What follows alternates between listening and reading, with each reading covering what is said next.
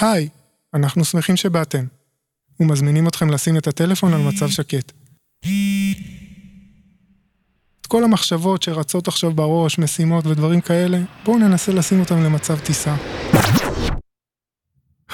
רגע, מצב טיסה יש סיכוי בכלל שמישהו בגיל תיכון עד בערך 25 יסכים לעבור למצב טיסה בלי לחוות איזה התקף פומו מטורף, מלווה בלחץ בחזה תוך דקה? אז איך ניגשים ללמד דור כזה?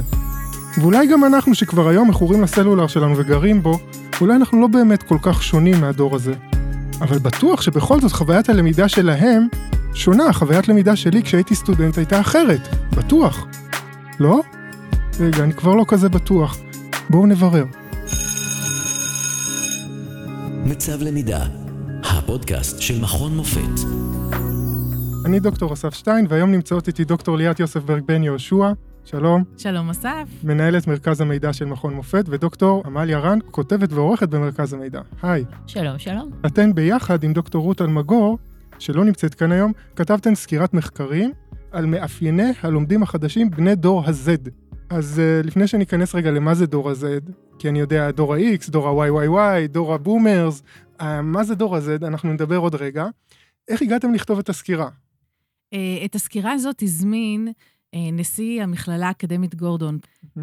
פרופסור יחזקאל טלר. שזה דבר מקובל, לפעמים פונים אליכם uh, להזמין סקירות ספרות, או... כן, בוודאי. קובעי מדיניות שמתעניינים בנושאים חדשים, פונים אלינו בכדי uh, לבחון מחקרים, uh, אתרים, מידע שקיים uh, במרשתת, על נושאים שמעניינים אותם. ופרופסור טלר uh, אמר שהם חשים בשטח הבדל גדול בלמידה של מי שמתחיל להיכנס למכללות. והוא רצה לראות מה המאפיינים כאילו, של ספרות מידע. המר, זה עלה מהמרצים, המרצים באו אליו ואמרו, תשמע, אני לא מצליח, משהו שונה לי פה.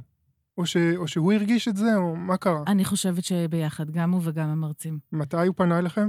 לפני כחצי שנה. זו מכללה שעוסקת בחדשנות, ולכן זה גם uh, מתכתב עם החזון שלהם.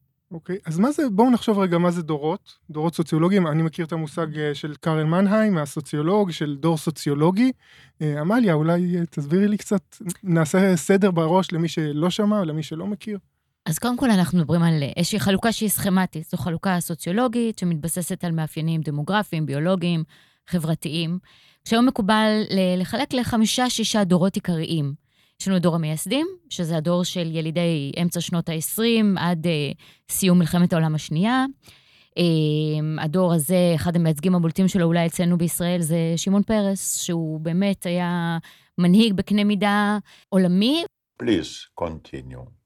והוא מייצג אה, גם מאפיינים של אה, אותו דור, שאנחנו ניכנס אליהם עוד מעט. It's more a matter of the young people to get together for the betterment of human life, for peace, for equality, for prosperity. של איזה שנים אלה? אמ, אנחנו מדברים בעיקר לפני מלחמת העולם השנייה. ילידי מלחי. ילידי לפני. טרום מלחמת העולם השנייה. זה המייסדים, ויש זה להם איזושהי. קבוצה מייחדת אותם באופן שבו הם חושבים ורואים את העולם. בהחלט. וצורכים אה, חדשות ומייצרים דברים והולכים לעולם העבודה, הרבה מהם היו וחושבים גם, על למידה. הרבה מהם הם היו דור המייסדים במדינות שלהם. הם הקימו את המדינות, הם פיתחו את החברה, זה נכון לא רק לישראל, אלא גם ל... אז בואי נגיד, יש לנו את נוספות. שמעון פרס, הדור המייסדים, מי עוד? מה הדור הבא? אחרי זה אנחנו מדברים על דור ה baby boomers, שאלה בעצם כל ילידי אה, 1946 ועד אה, אמצע שנות ה-60, פלוס מינוס, שוב, אני מזכירה, זו חלוקה סכמטית.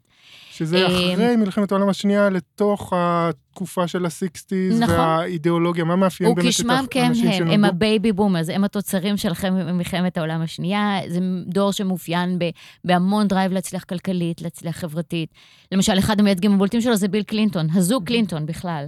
I'm Hillary Rodham. Who are you? She was different than anybody I ever met. אה, שלצד ה drive גם יש איזושהי אוטופיה, איזשהו היי מה... סיימנו את המלחמה פחות או יותר, או בהחלט, שלא תקרה שוב פעם, בהחלט. ובואו נבנה עולם חדש, נכון, ואמונה באוטופיה. נכון. זה לא דור מקרה. ההיפים, דור המלחמות של הצעירים לשנות את העולם אה, בשנות ה-60, זה בדיוק הדור הזה. מאמצע שנות ה-60 עד תחילת שנות ה-80, פלוס מינוס, אנחנו כבר מדברים על דור ה-X, זה אולי הדור שלנו. אה, דור ה-X זה בעצם כן, דור שהוא שנייה, מפוקח. אני אעצור פה, אזהרה, אזהרה לכל מי שמקשיב לנו, והוא מעל גיל 25, אה, השיחה, עשינו שיחה מקדימה, אתם עלולים לצאת בהרגשה שאתם ממש ממש זקנים. לא שזה רע, אבל אני מציין את זה. אז ילידי דור ה-X, בבקשה. אז מש- אנחנו, אני יכולה לדבר שנים? על שנות אנחנו, מבאמצע אמצע שנות ה-60 ועד שנות ה-80, זה פלוס מינוס אה, ילידי דור ה-X.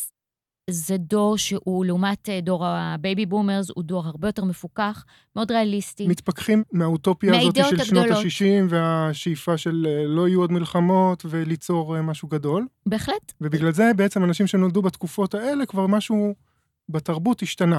כן, זה דור אה, שהכסף מניע אותו, והצרכים החומרניים מי הדמות מניעים המובילה? אותו.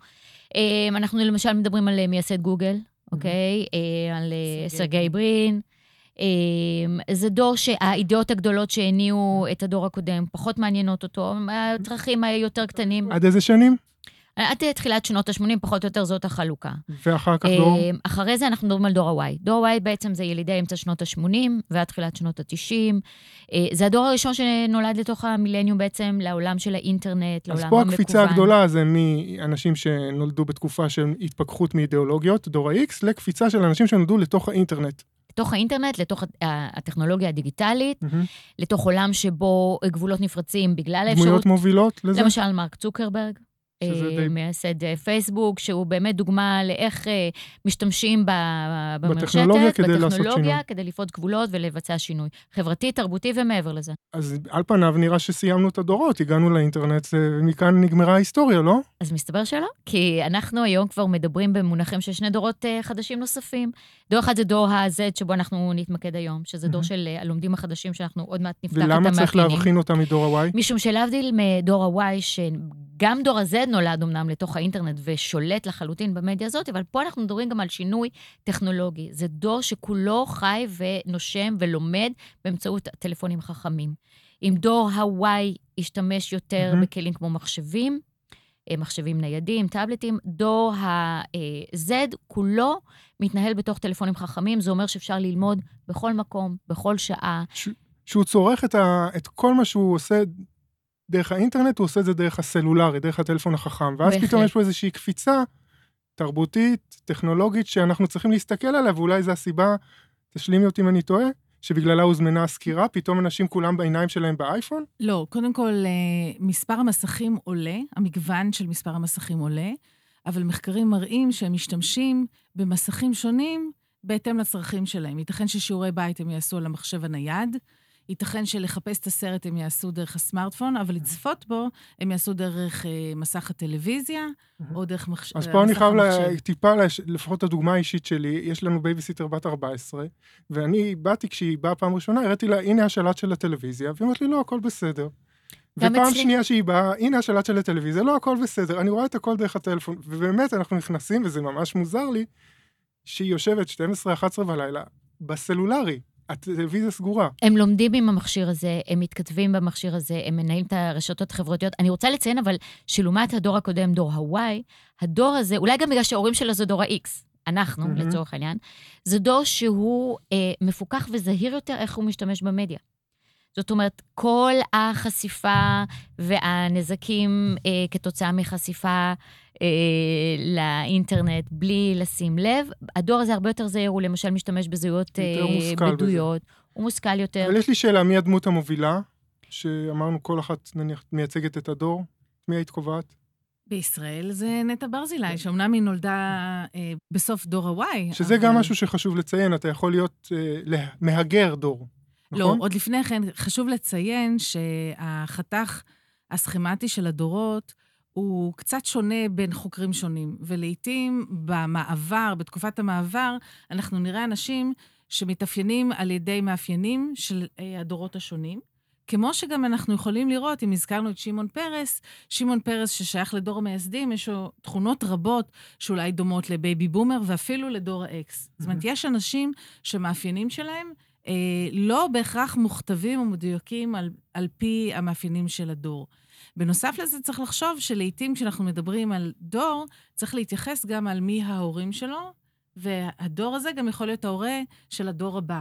וחלק מהמאפיינים האלה גם כן באים לידי ביטוי. מאפיינים של דור ה-X יכריעו אולי על צורת ההורות כלפי הילדים של דור ה-Y, ודור ה-Y, כשהוא יגדל ויהיה הורה, יכול להיות שישתנה בעקבות כך אה, כשהוא יהיה הורה לדור ה-Z או האלפא. אבל בוא נגיד, אמרנו- יש לי אמרנו שאלה, אבל שזאת- למה נטע ברזילי? למה, מה אמרנו שזאת בה? חלוקה סכמטית. אני רוצה גם להוסיף למה שליאת אמרה כרגע, שאנחנו צריכים לקחת בחשבון, בחשבון גם הבדלים שקשורים למעמד סוציו-אקונומי ותרבותי, מהמם. הבדלים למשל במדינות שונות. זאת אומרת, זאת לא, זו חלוקה מאוד מאוד אה, כללית, שאנחנו צריכים לקחת את כל הניואנסים שנמצאים אה, אבל המכנה המשותף. הוא ששינויים טכנולוגיים או תרבותיים, פוליטיים, כלל עולמיים, משפיעים על האופן שבו אנשים חווים את, את העולם סביבם ואת הלמידה שלהם. כן, דור אה, בדרך כלל עכשיו, מוגדר למה על ידי... ברזילי? אני אחזור לשאלה ד- שוב פעם. דור בדרך כלל מוגדר על ידי אה, איזשהו אירוע אה, טראומטי, אה, אירוע פרץ, שזה יכול להיות מלחמה, למשל. מהמם. לכן baby boomers זה התופעה של לידת הרבה ילדים אחרי מלחמת העולם השנייה, או על ידי שינוי טכנולוגי, כמו למשל הכניסה של הסמארטפון לחיינו, ועם כל האפשרויות הגדולות שהתפתחו בעקבות זה. למה נטע עמליה, ברזילי? כן. נטע ברזילי קודם כל מייצגת משהו מאוד מובהק של הדור שלה, וזה הגיוון, וזה מתבטא ברקע המשפחתי שהם מגיעים ממנו, זה מתבטא ביכולת אה, להחצין ולהבליט התנהגויות שונות, הספקטרום מאוד רחב. לדוגמה, נטע ברזילי מייצגת אה, דימוי נשי שבועט במוסכמות קלאסיות של איך אישה צריכה להיראות, איך היא צריכה לדבר, איך היא צריכה לשיר. היא גם אה, מדברת על זה באופן מאוד גלוי.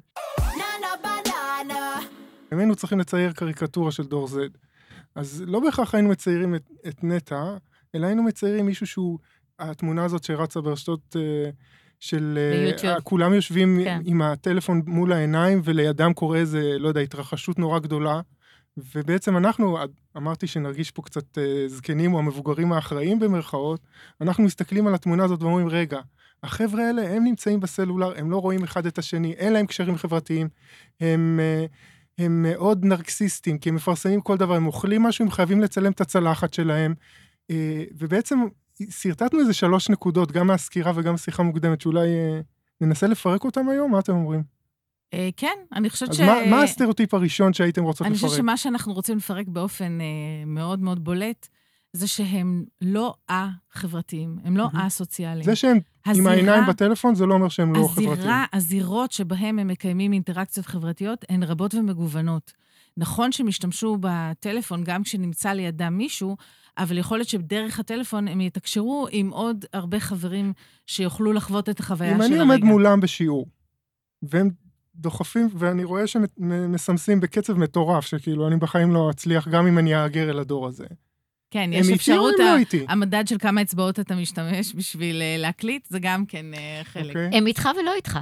זה דור שהוא מתאפיין, מה שנקרא, ב- בלמידה ובשהייה אריזומטית. זאת אומרת, הם מסוגלים להתנהל בכמה מרחבים בו בעת, בזמן שהם אולי מקשיבים לשיעור שלך בתור מרצה, הם גם יענו אולי להודעה שנשלחת להם מאיזה חבר, שיכול להיות שהוא יושב לידם ויכול להיות שהוא לא יושב לידם. הגיוון הזה, היכולת שלהם לשלוט בכמה ערוצי תקשורת בבת אחת, זה אחד מהמאפיינים שלהם. אני חושבת אז ש... מבחינה חברתית, זה שהם משתמשים בסלולר, זה עדיין לא אומר זה שהם נמצאים ב... זה שהם- אז משתמשים ב...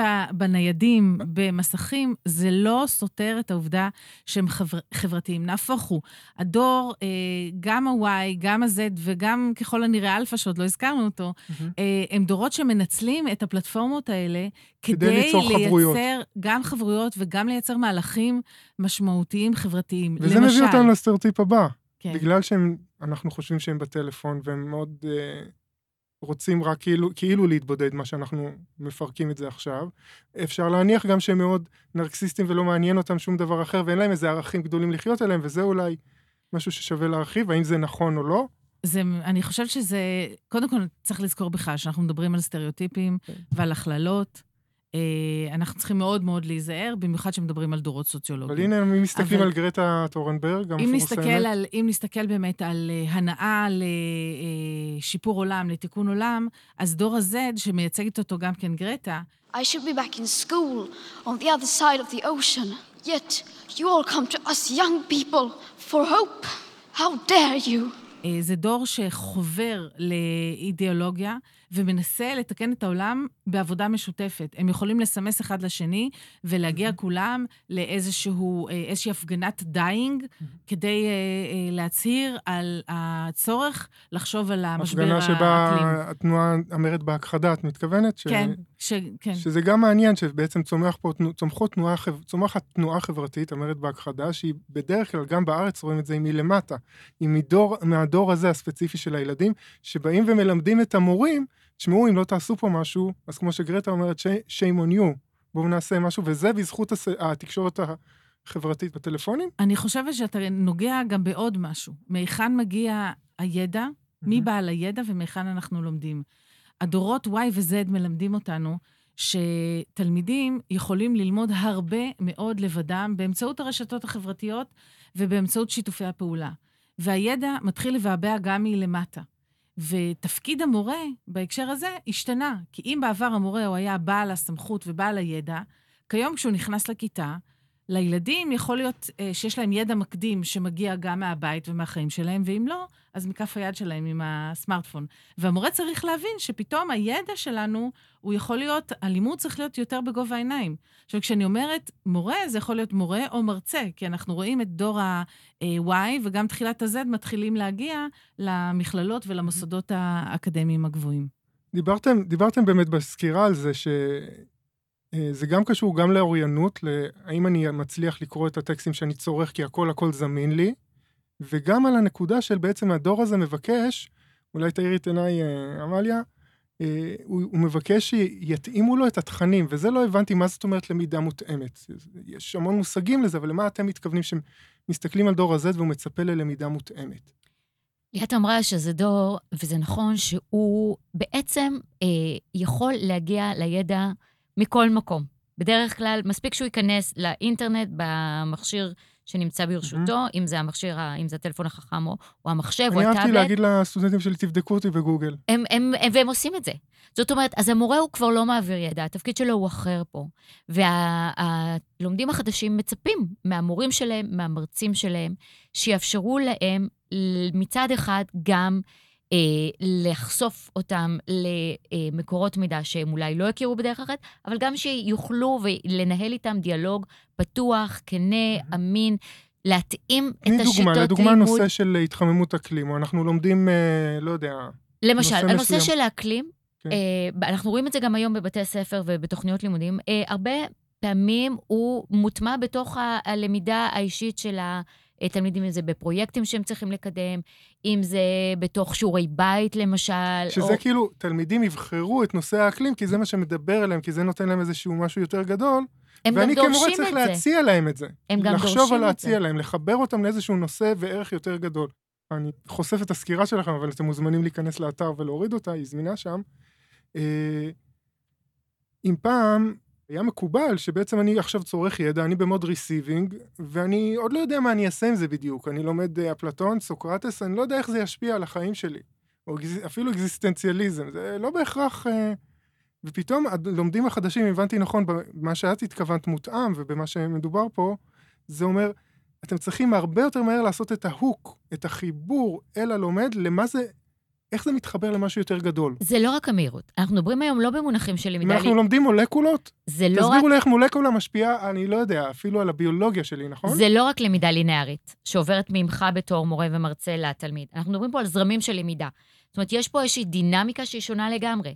זה דינמיקה מעגלית, זה דינמיקה שהיא בין קבוצות קטנות שלומדים, בין קבוצות גדולות שלומדים, בין מורה לתלמיד, אה, בין תלמיד למורה, בין הורים וקהילה. הידע הוא נע בתוך, אה, בתוך קבוצת מטאפורה- אנשים. מטאפורה יפה של אה, הרבה...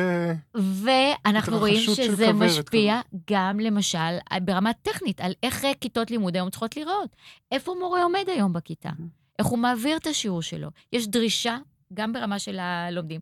אנחנו, תלמידים היום שנכנסים לכיתה מול מורה מסורתי ולוח, אמ, סביר להניח שתוך עשר דקות, רבע שעה, הם יאבדו ישתעממו. קשב. המורה יאבד אותם. אני כן. עוד אפילו אוסיף יותר מזה. כשאנחנו בוחנים אה, מחקרים שעוסקים בתלמידים וסטודנטים במכללות, אה, ובוחנים כיצד הם לומדים, אה, מחקר שעשתה סמדר ברטל וקריסטה אסטרחן, הראה למשל שהלמידה המשותפת מתבצעת בשנייה שהמרצה נותן את המשימה, החבר'ה מחלקים את המשימות בוואטסאפ, ו, אה, ופועלים ביחד כדי לייצר את העבודה. כדי ליצור איזושהי רשת של אה, למידה משמעותית רשת יותר. של למידה, האם היא משמעותית? פרויקטלית? אה, האם היא פרויקטלית? זה כשמסתכלים על זה בצורה חיובית. בצורה שלילית, המורה עלול לחוש שכולם פה מרמים ואף אחד לא עושה את המשימה בפני עצמו. ואז החוכמה שלך כמורה, אם אני משלים את מה שאת אומרת, את המסקנות, זה להבין שהלמידה היום היא הרבה יותר, אנחנו לא רואים את זה, אבל כולנו פה עשינו את התנועות האלה של המעגלים בידיים. כן. משהו של כן. זרימה שמתערבב, כמו איזה מפל שנופל, והכיתה היום היא לא top down, אלא יותר תחתית המפל. הזרמים האלה שמתערבבים, התלמידים נפגשים אחד עם השני, גם כשאני עומד מול הלוח, והם נפגשים אחד עם השני, ואני צריך לזרום עם זה אחרת. הם בו זמנית איתך נפגשים ברשת, מחלקים את העבודה, ובעצם מדמים את עולם התעסוקה, שאחר כך אנחנו נראה שכשיש פרויקט, יש צוות שעובד עליו, ולכל אחד בצוות יש תפקיד, ועובדים ביחד. אז עלינו לשנות, אנחנו צריכים לחשוב בהקשר הזה, לשנות את התפיסה, שהלמידה השיתופית היא לא שלילית. לדומה, לדומיו על האפליקציות האלה בסלולרי. בואו עכשיו כל אחד יזין מה הוא חושב, שזה מאוד זמין, זה כאילו יוצר איזושהי אינטראקציה, ועכשיו כולם מסתכלים על הלוח, על התוצאה. תראה, כל האפליקציות האלה, אה, יש בהם צד אחד חיובי נורא שהן מעוררות, והשיעור נראה יותר מגניב ויותר... או קהוט. אה, משתף את המשתתפים. שזה נהיה די באז. קהוט, מנטימטר. ומצד איפה שני... איפה היתרונות, איפה החסרונות? מצד שני, לפעמים זה לוקח הרבה מאוד זמן רק כדי להתחבר לאפליקציה, וזה מסיח, מסיח את הדעת מהעשייה האמיתית. אז צריך לעשות את זה במינון, או לדעת שזה תהליך. בפעם הראשונה יהיה התלהבות רבתי, נבזבז המון זמן על לפתוח את הסמארטפונים, ואחר כך נוכל אה, להשתמש בזה. דור ה-Z, ממה שהבנתי, דור ה-Z זה לא big deal בשבילו, זה ברור נכון, שזה תעשה את זה. נכון, אני רוצה נכון. כן להעלות משהו חשוב שהוא לא עלה עד עכשיו, שזה לא שאין צורך יותר במורים. זה לא שהדור הזה מסוגל ללמד את עצמו והוא אוטודידקט, ובזה הסתיים תפקיד אה, ההוראה בבתי ספר, ממש לא. כי מה שאנחנו כן רואים מכל המחקרים זה שעם כל הכישורים הטכנולוגיים והידע הרהוט באיך להשתמש במכשירים, בכל מה שקשור לאוריינות תקשורתית, בכל מה שקשור להערכת מידע ולאוריינות ומידענות, הדור הזה הוא לא שונה מקודמיו. הוא אפילו אומרת, קצת יותר אבוד? הוא יותר אבוד. אמ, יש פה תפקיד מאוד חשוב למורים ול, ולמרצים, גם באוניברסיטה, ללמד איך להעריך נכון את הידע שהם מגיעים אליו. איך, אה, למשל, אנחנו הרבה דיברנו, עוד שומעים המון, על כל הנושא של fake news. איך להעריך את המקורות מידע. אז לד... מצ... הנה, שוב פעם עלינו על עוד פרדוקס. מצד אחד הם יותר זהירים ברשתות חברתיות, מצד שני, הם קצת יותר פתיים של fake uh, news? או שיש פחות מיומנות זה גם מופיע בסקירה, האוריינות לא הזאת, ההבדל בין אוריינות טכנולוגית למיומנות. למיומנות בטכנולוגיה. הדיוק הוא ההבדל באמת בין אוריינות לבין מיומנות. מיומנות אומרת שהם יודעים להשתמש בטכנולוגיות. אם נעשה אה, הרצאה לבני דור ה-Z, אז בשנייה הם יסתדרו עם קהוט, ודור ה-X אולי אה, וה-Y יגמגמו וייקח להם זמן. וזה שהם יודעים אבל... להסתדר יפה יותר עם, ה... עם כל האפליקציות האלה, זה עדיין לא אומר שהם יודעים לצרוך את זה באופן מושכל, או לעשות דברים שחשובים ללמידה, נכון. למידת עומק. או להפעיל חשיבה ביקורתית. האם מה שאנחנו כרגע נחשפנו אליו באמצעות יוטיוב, באמצעות אה, אינסטגרם. את סיפרת לי בשיחה מקדימה על היוטיוברים שהילדים נכון, שלך צופים בהם. נכון. אה, האם מה שאנחנו צופים בו זה מישהו, האם המידע הוא אה, מהימן, האם מוסר המידע הוא מישהו שאמון על הדבר הזה. גם אני צופה בהרבה סרטוני יוטיוב, ואחד הדברים שמאוד ככה עוקץ לי באוזן, זה שהרבה מהיוטיוברים אומרים, עשיתי מחקר מעמיק, I've done my research, והגעתי למסקנה. ומה, ופה, הוא הלך לגוגל סקולר? והוא הלך לגוגל, לא, לא, לא, הוא הלך לגוגל, ליוטיוב, לכמה חברים. אפילו לא ויקיפדיה.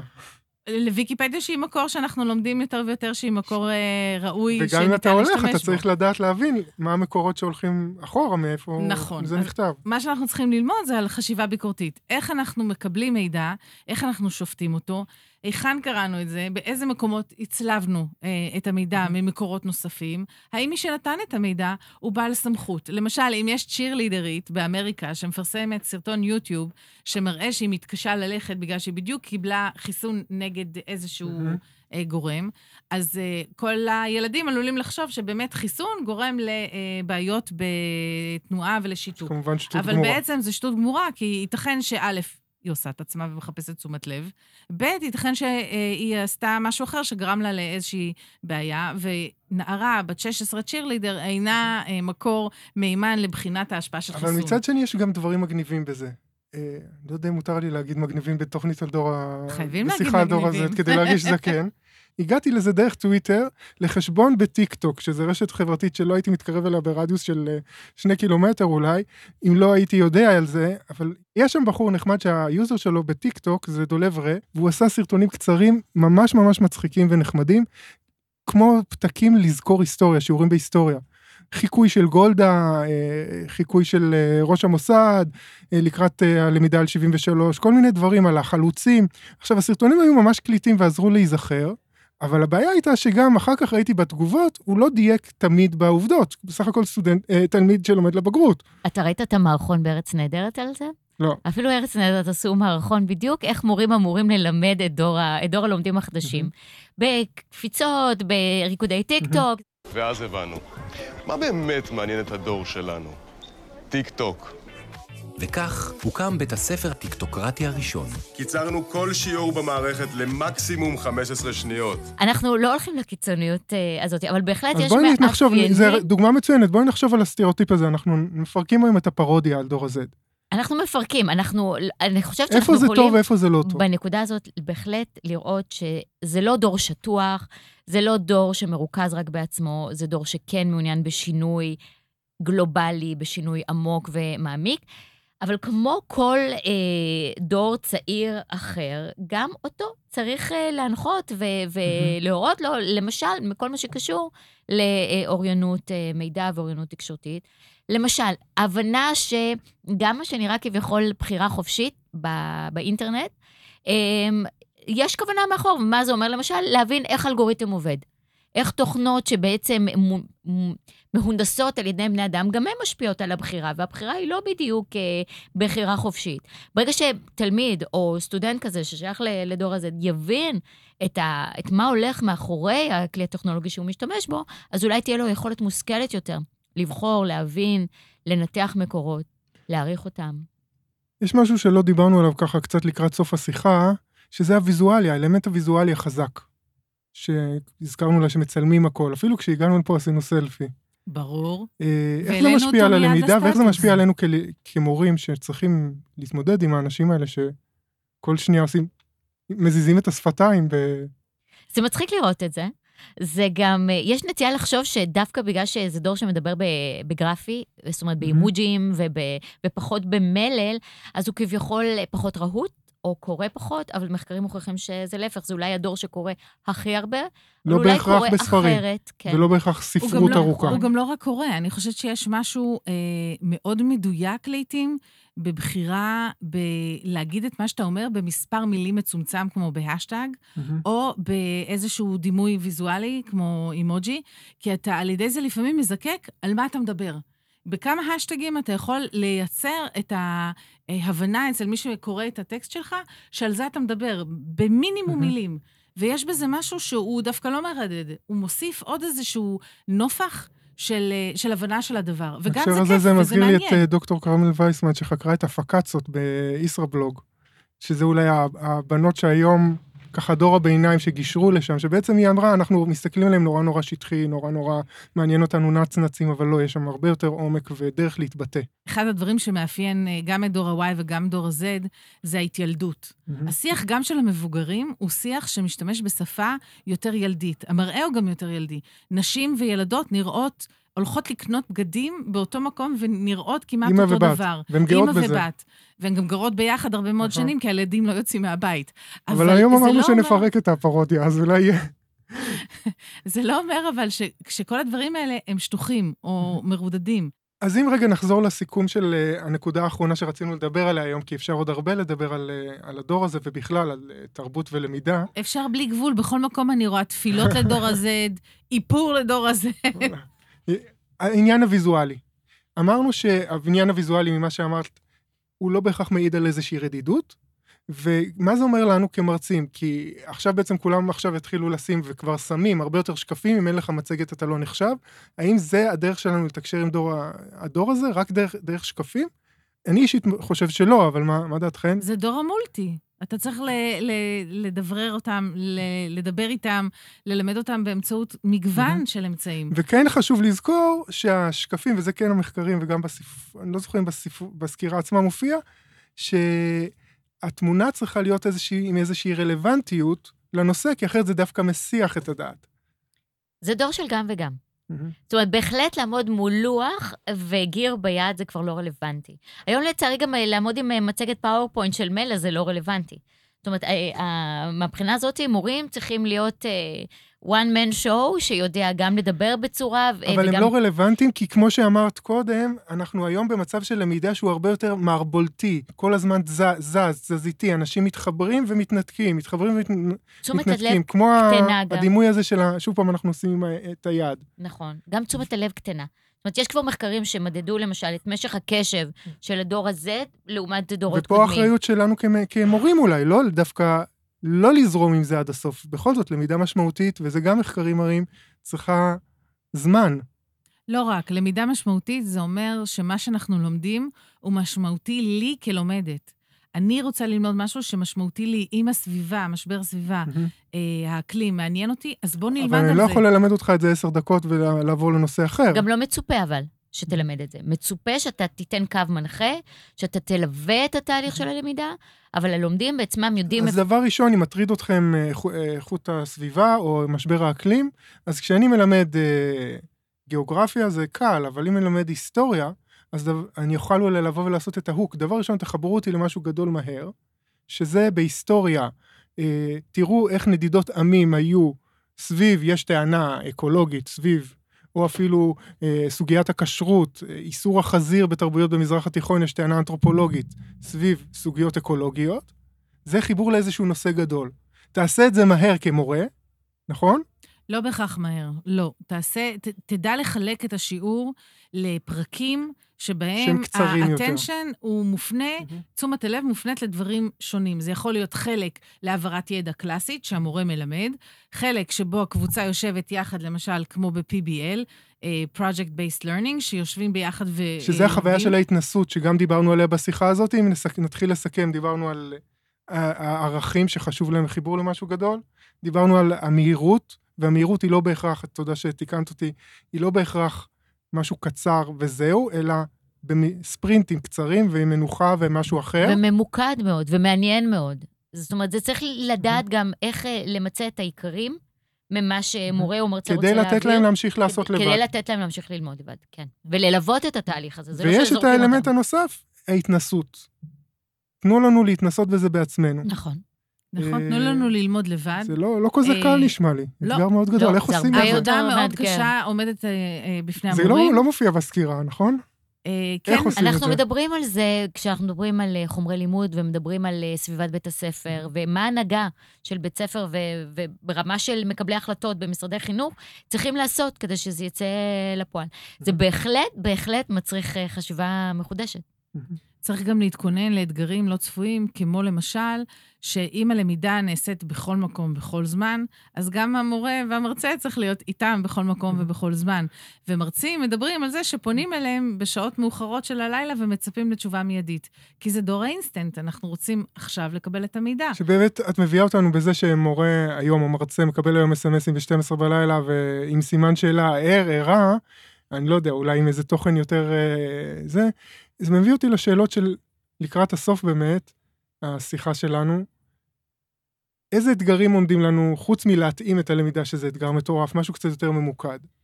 עומדים לנו אתגרים ארגוניים, על ארגון הזמן והמרחב. מתי אני מורה ומתי עוצר שעון העבודה שלי שהפסקתי לעבוד. אה, עומד, עומדים בפנינו אתגרים שאנחנו צריכים כל הזמן להתחדש ולהתעדכן עם אה, טכנולוגיות חדשות שצריכות להיות משולבות בתוך השיעור. אה, עומד לנו אתגר הרגיל של ניהול כיתה, איך מנהלים את כל זה בתוך כל המרחבים האלה. אה, עומד לנו גם כן האתגר של להבחין בין מסוגלות או בין מיומנות לבין אוריינות. איך אני לא מתבלבלת שהתלמיד מולי, שהוא אלוף עולם בטכנולוגיות, לא יודע להבחין ולחשוב באופן ביקורתי אם המידע שמוצג לפניו הוא אמין. כן, עניין של מעניין. גבולות, למשל, ובטיחות ברשת. זה גם עוד מקום שמורים יכולים להיכנס אליו. איך אני קובע את הגבול? מה מותר ומה אסור אז בקשר יש לנו שלי הרבה מול עבודה תלמידים? כמבוגרים אחראים עדיין על דור לחלוטין. הילדים, ואחר כך ברור. כמרצים לסטודנטים צעירים, יש לנו הרבה עבודה כרואו מודל למשהו שאנחנו רוצים לשאוף אליו. זה תמיד, זה תמיד היה תפקיד המורה, אבל יש לנו גם עוד עבודה השתנה. מול ההורים. למשל, ההורים, שהם יכולים בני דור זה או אחר, ישמחו לתת לילד שלהם בכיתה ג' את הסמארטפון, שילך איתו חס וחלילה לא יהיה רגע לבד, אבל אם אני אבקש ממנו בכיתה להוציא את הסמארטפון ללמידה אה, באמצעות bring your own device, ההורים יכולים להגיד, גוואלד, מה פתאום לומדים עם מכשירים. דיגיטליים? ומנגד אנחנו.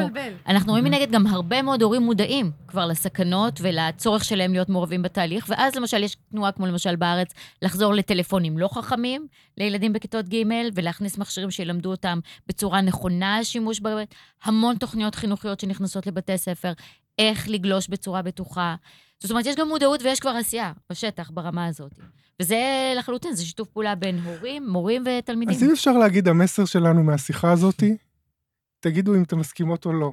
זה שזה בסדר להרגיש זקן כש- כשאתה עומד מול תלמידים כאלה, כי יש לך עדיין הרבה מה להעביר ויש לך תפקיד כמבוגר, ו... מי זקן? מי מרגיש מעבר זקן? לזה- מי זקן? אז סימן אוקיי, לא שאתה. צעיר. זה מאתגר לחלוטין. ומעבר לזה, האתגר הבא הוא בעצם לדעת ל- ללמוד מהלומדים החדשים. אני חושבת. שגם מורה צריך uh, לדעת ללמוד ולהכיר את עצמו בתור לומד. מורה שממשיך להיות לומד לאורך כל החיים שלו, אני חושבת שעושה את העבודה הללויה, שלו. כולם מהנהנים פה בהסכמה. נראה לי אחלה. משפט לסכם איתו. לגמרי. תודה רבה, ליאת. תודה. תודה, עמליה. תודה היה רבה. כיף. תודה, עמליה, היה ותודה, עידו. תודה. כיף!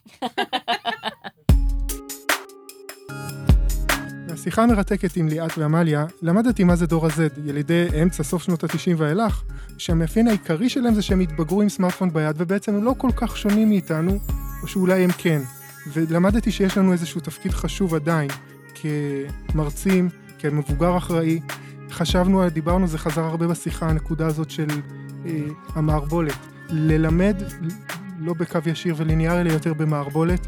והיו שלוש נקודות שככה רשמתי לי בסוף השיחה, ושאם אם אני היום אעמוד מול דור זדניק, אני אנסה לחבר אותו למשהו גדול, אני אנסה להסביר לו את זה ולחבר אותו מהר לזה, אבל לא לוותר על הלמידת עומק ולתת לו את החוויה של אורך רוח, ואני אתן לו גם חוויה מאוד גדולה של התנסות.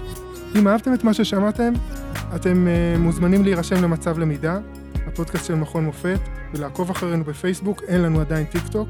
התוכנית הוקלטה באולפני פודקסטיקו ונערכה על ידי עידו קינן ועומר סנש, ותודה רבה לאפרת פירסט על שיחה מקדימה מרתקת בנושא. להתראות. הקולות ששמענו בפרק הם מתוך סרטון של מרכז פרס לשלום ולחדשנות, טריילר לסדרה של הילרי קלינטון בהולו, השיר נאנה בננה של נטע ברזילי, מערכון של ארץ נהדרת, והרצאתה של גרטה טונברג.